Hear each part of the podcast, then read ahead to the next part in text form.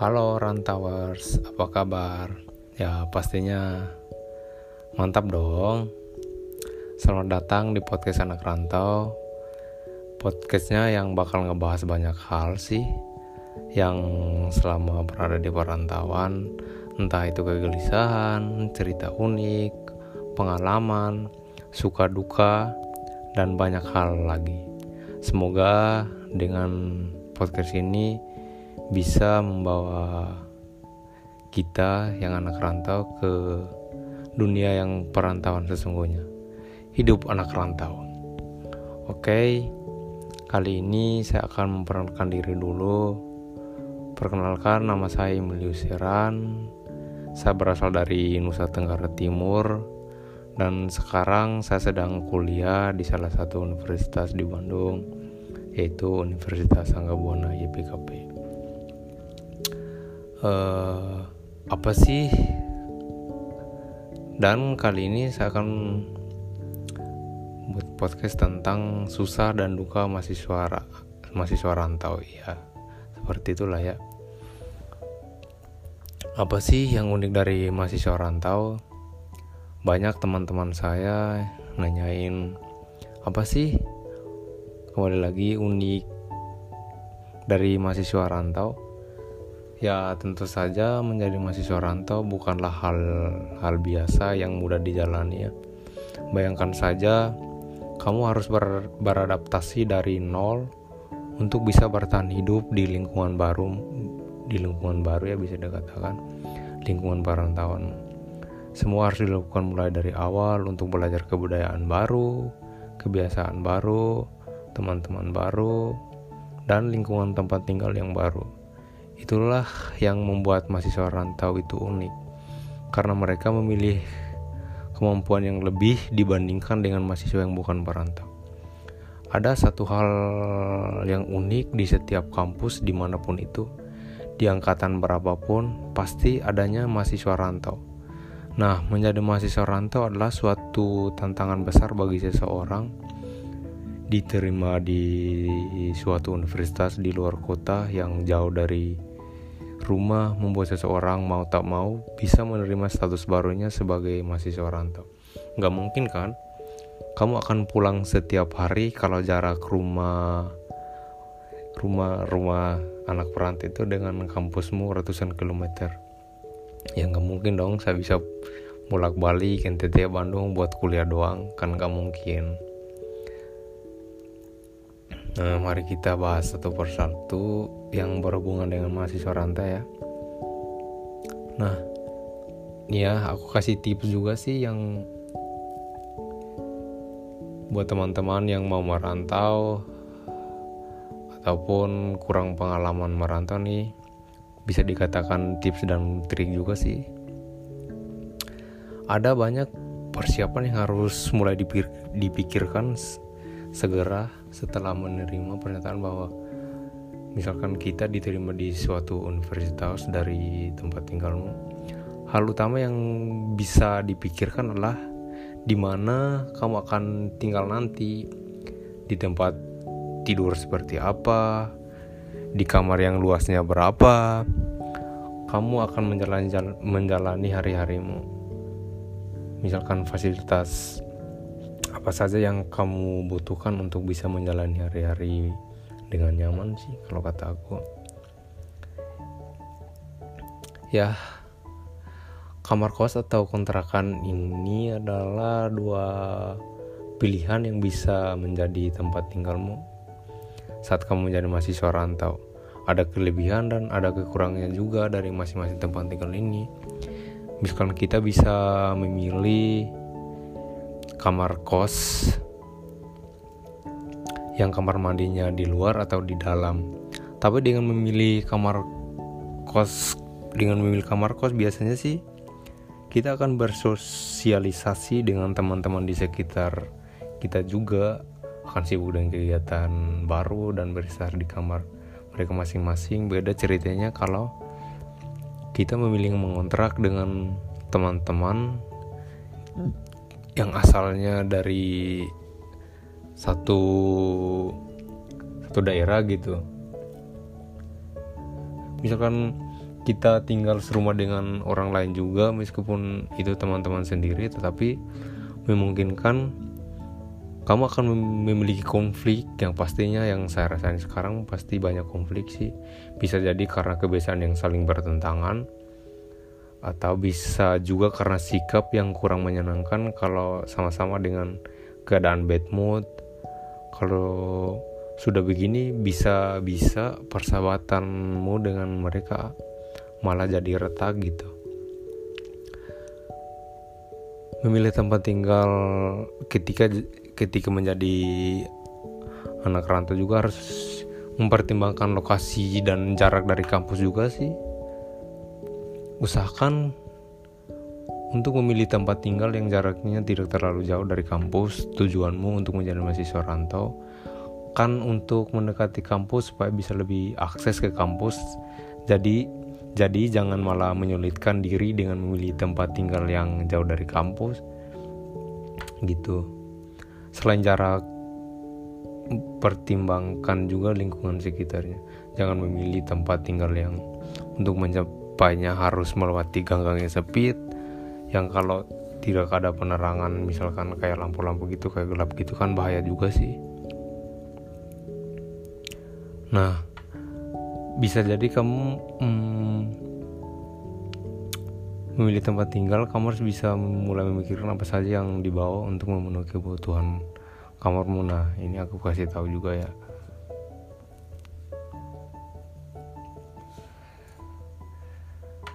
Selain itu, mahasiswa rantau juga akan membutuhkan biaya yang jauh lebih besar daripada yang tidak merantau. Ya, tentu saja. Karena kamu harus membawa perlengkapan untuk hidup sehari-hari bisa jadi kamu malah memindahkan semua isi kamu ke dalam indekosmu yang baru di tempat rantaumu. Menjadi mahasiswa rantau berarti kamu harus tinggal jauh dari keluarga, itu udah pasti. Tidak melihat wajah ayah, ibu, adik, kakak setiap pagi.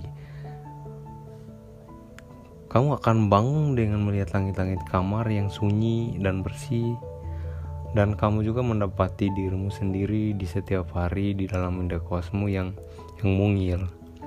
Karena itulah mental juga harus dipersiapkan sejak kamu memutuskan untuk menjadi mahasiswa rantau.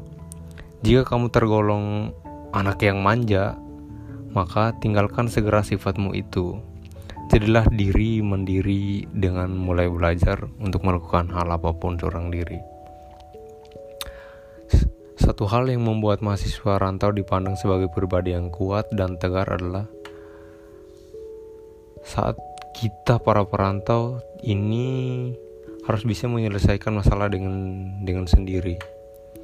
Tanpa bantuan dari keluarga, masalah yang menghampiri mahasiswa rantau bukan hanya masalah tentang perkuliahan dan tugas, tugas yang numpuk, tetapi kita juga akan berhadapan dengan dengan masalah pergaulan dari lingkungan tempat tinggal kita yang baru. Ketika kamu sudah menjadi mahasiswa rantau, maka secara otomatis kamu sudah tumbuh menjadi individu mandiri yang berdiri di atas kaki diri sendiri untuk menyelesaikan semua permasalahan yang menerpamu. Adaptasi tugas rantau untuk beradaptasi adalah dua kali lipat beratnya dibandingkan dengan mahasiswa yang tidak merantau. Kalau mahasiswa yang tidak merantau hanya perlu beradaptasi dengan lingkungan kampus baru dan teman-teman di kampus, maka tidak dengan mahasiswa rantau. Mahasiswa rantau memiliki tanggung jawab yang berlipat ganda, yaitu untuk beradaptasi dengan lingkungan kampus barunya dan beradaptasi dengan lingkungan tempat tinggalnya baru. Seorang mahasiswa rantau otomatis memiliki kebiasaan dan kebudayaan yang berbeda dengan orang yang tinggal di tempat rantaunya. Ketika kamu mulai memasuki lingkungan perantauanmu, maka sebaiknya kamu cepat-cepat menyesuaikan diri dengan dengan mereka. Caranya adalah dengan mempelajari apa saja yang menjadi kebiasaan umum mereka. cobalah untuk mencari tahu hal-hal apa saja yang disukai oleh orang-orang di perantauanmu atau hal-hal apa saja yang disukai oleh orang-orang perantaumu supaya kamu bisa diterima dengan baik di tempatmu merantau maka kamu bisa mengikuti kebiasaan dan kebudayaan serta meninggalkan kebiasaanmu yang bertentangan dengan kebiasaan mereka. Nah, kalau mahasiswa merantau, mereka harus menunggu transferan dari orang tua. Biasanya orang tua akan memberikan jatah bulanan yang dikirim satu bulan sekali pada tanggal tertentu. Gak bisa dipastikan juga sih dikirimnya kapan. Kita juga harus bisa mengatur uang kiriman itu dengan baik biar bisa sampai akhir bulan gitu.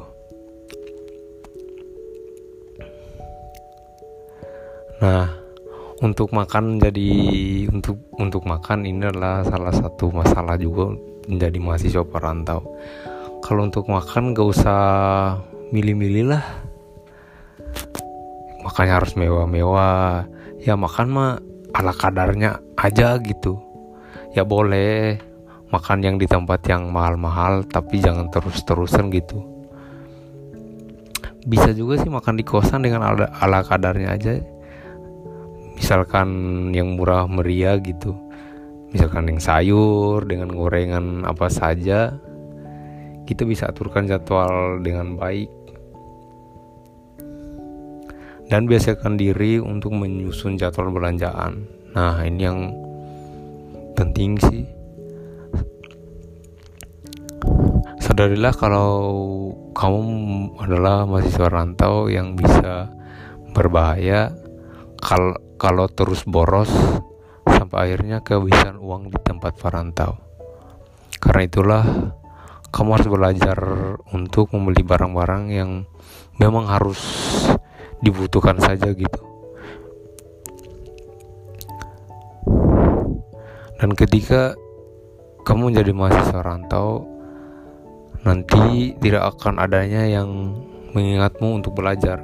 Anggap saja kamu bebas karena orang tuamu tidak ada di rumah dengan ya gak mungkin kan orang tua ke sini buat ngingatin doang palingan ya telepon seminggu sekali lah dengan orang tua gitu. Kita juga harus bisa jaga kesehatan. Karena apa? Kalau misalkan sakit siapa yang akan merawat gitu? Lagi pula ketika jatuh sakit kita juga jauh dari orang tua dan pasti akan menjadi penderitaan yang sakit berlipat ganda. Oleh karena itu, supaya kita tidak sampai mengalami, sakit di tempat rantau, belajarlah untuk memperhatikan kesehatanmu sendiri. Makanlah dengan teratur dan jangan sembarangan memilih tempat makan.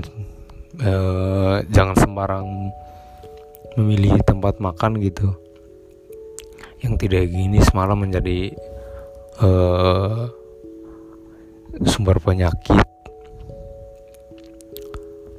mungkin menyandang status sebagai mahasiswa rantau adalah hal-hal yang berat tapi percayalah kalau kamu bisa membaginya dengan sesama teman perantau yang lain keuntungan lain menjadi mahasiswa rantau adalah kamu jadi memiliki banyak teman dari daerah-daerah lainnya.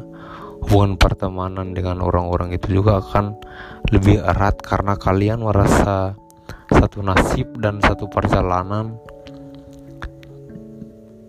uh, menemukan kesulitan yang bisa diatasi bersama-sama gitu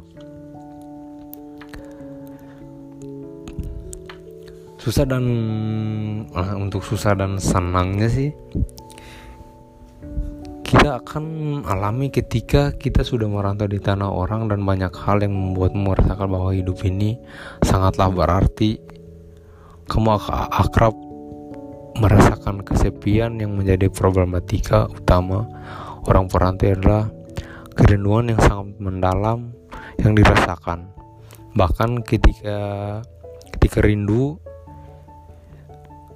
eh, apa ya? ketika rindu melanda uh,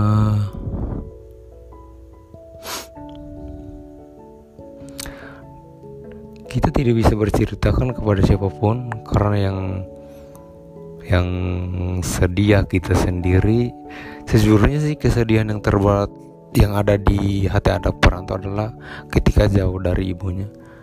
Namun di lubuk hatinya pula anak perantau percayalah bahwa orang-orang yang dia bagikan selain ibunya adalah ayahnya. Karena tangis dan pengorbanan yang begitu besar yang telah dirasakan oleh anak perantau banyak dari mereka yang menjadi ini, ini sebagai uh, apa sih pacuan untuk sukses dan impian dan tujuannya untuk tujuan dasarnya untuk merantau.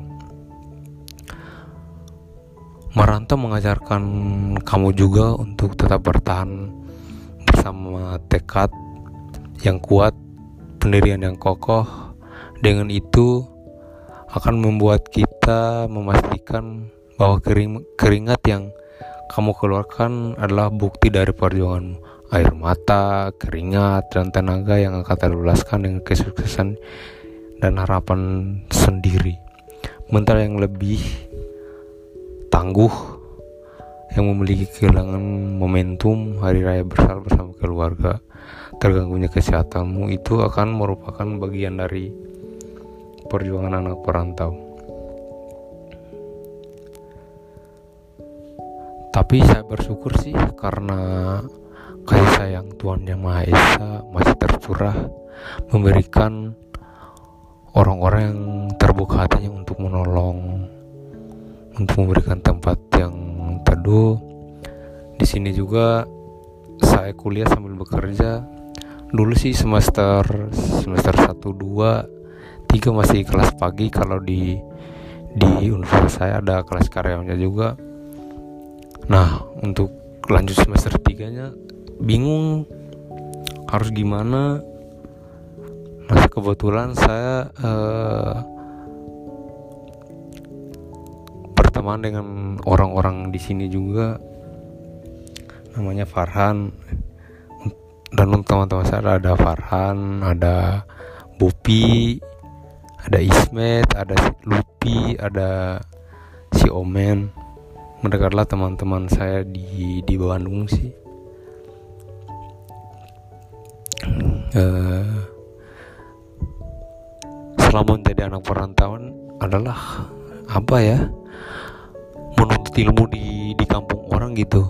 Banyak sekali problematika yang saya hadapi namun itu semua menjadi proses pembelajaran bagi saya untuk bisa lebih bijak dan dewasa dalam apa sih menangani problem-problem yang saya hadapi. Misalkan saat ini uh, untuk kuliah ya, seperti jam kuliah yang tidak menentu. Di sini seorang mahasiswa agak susah membagi waktunya karena jam kuliah sangat jauh berbeda dengan jam sewaktu masih duduk di bangku SMA sama dulu. Kadangkala jam kuliah membuat anak kerantau jarang masuk kuliah karena malas akan jam kuliah yang tidak menentu. Ya tapi itu sebagai menjadi pembelajaran aja sih. Kita jauh-jauh dari kampung ke Bandung untuk kuliah ya malas gak malas sih tetap masuk gitu. Walaupun tugas menumpik menumpuk ataupun doser-doser yang killer dan ya begitulah. Dan untuk materi kuliahnya sih kadang materi kuliah yang diberikan memang sama sekali tidak dimengerti oleh mahasiswa. Ya saya uh, alami. Karena materi tersebut adalah hal baru yang diterima oleh mahasiswa. Butuh adaptasi lama untuk untuk apa sih dapat memahami kata-kata ilmiah yang diberikan oleh dosen dan ini menjadi mahasiswa. Ini apa sih? Menjadi tantangan bagi mahasiswa untuk lebih giat belajar gitu. Dan untuk uang saku sendiri menjadi kendala yang paling utama bagi anak kuliahan karena karena kurang biasa menghemat uang belanja, uang saku yang biasa dikirim bulanan dalam sekejap habis tepat sebelum waktunya. Dibebaskan seperti untuk jalan-jalan makan-makan dan dan lainnya gitu. Dan untuk uh, aktivitas kuliah sebenarnya menjadi mahasiswa itu sangat membutuhkan aktivitas di luar kampus. Karena ilmu yang diberikan kampus hanyalah setengah gitu. Dan setengahnya lagi kita harus mencari sendiri. Ya tergantung kita bagaimana caranya misalkan masuk apa sih ke unit kegiatan mahasiswa atau biasa disebut UKM gitu yang ada di kampus. Karena di situ gudang ilmu semua. Dan kita langsung mempraktekkan di luar bisa mempraktekannya langsung gitu di luar. Tapi banyak mahasiswa yang menjadi mahasiswa dengan gelar 3K kos kantin kampus. Biasa dan dan menjadi yang ter apa sih terberat menjadi mahasiswa perantau adalah kerinduan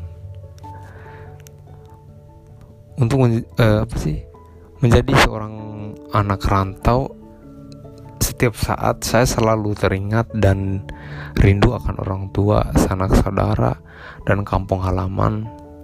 Meskipun sering menghibur diri dengan berbagai cara, masih saja teringat mereka yang berada di sana. Namun berkat teknologi yang serba canggih saat ini, semuanya begitu mudah walaupun jarak yang beratus-ratus kilometer jauhnya saya begitu mudah tersambung dengan mereka ya walaupun seminggu tiga kali gitu bisa video call apalagi kan sekarang lagi pandemi COVID-19 atau biasanya sih disebut dengan corona. Jadi nggak bisa ke mana-mana gitu mau pulang mau pulang pun susah walaupun udah rindu banget gitu. Uh, mungkin podcast saya segini aja. Saya Mulia Seran sampai jumpa lagi di podcast berikutnya. Terima kasih yang sudah mendengarkan podcast ini. Hidup anak rantau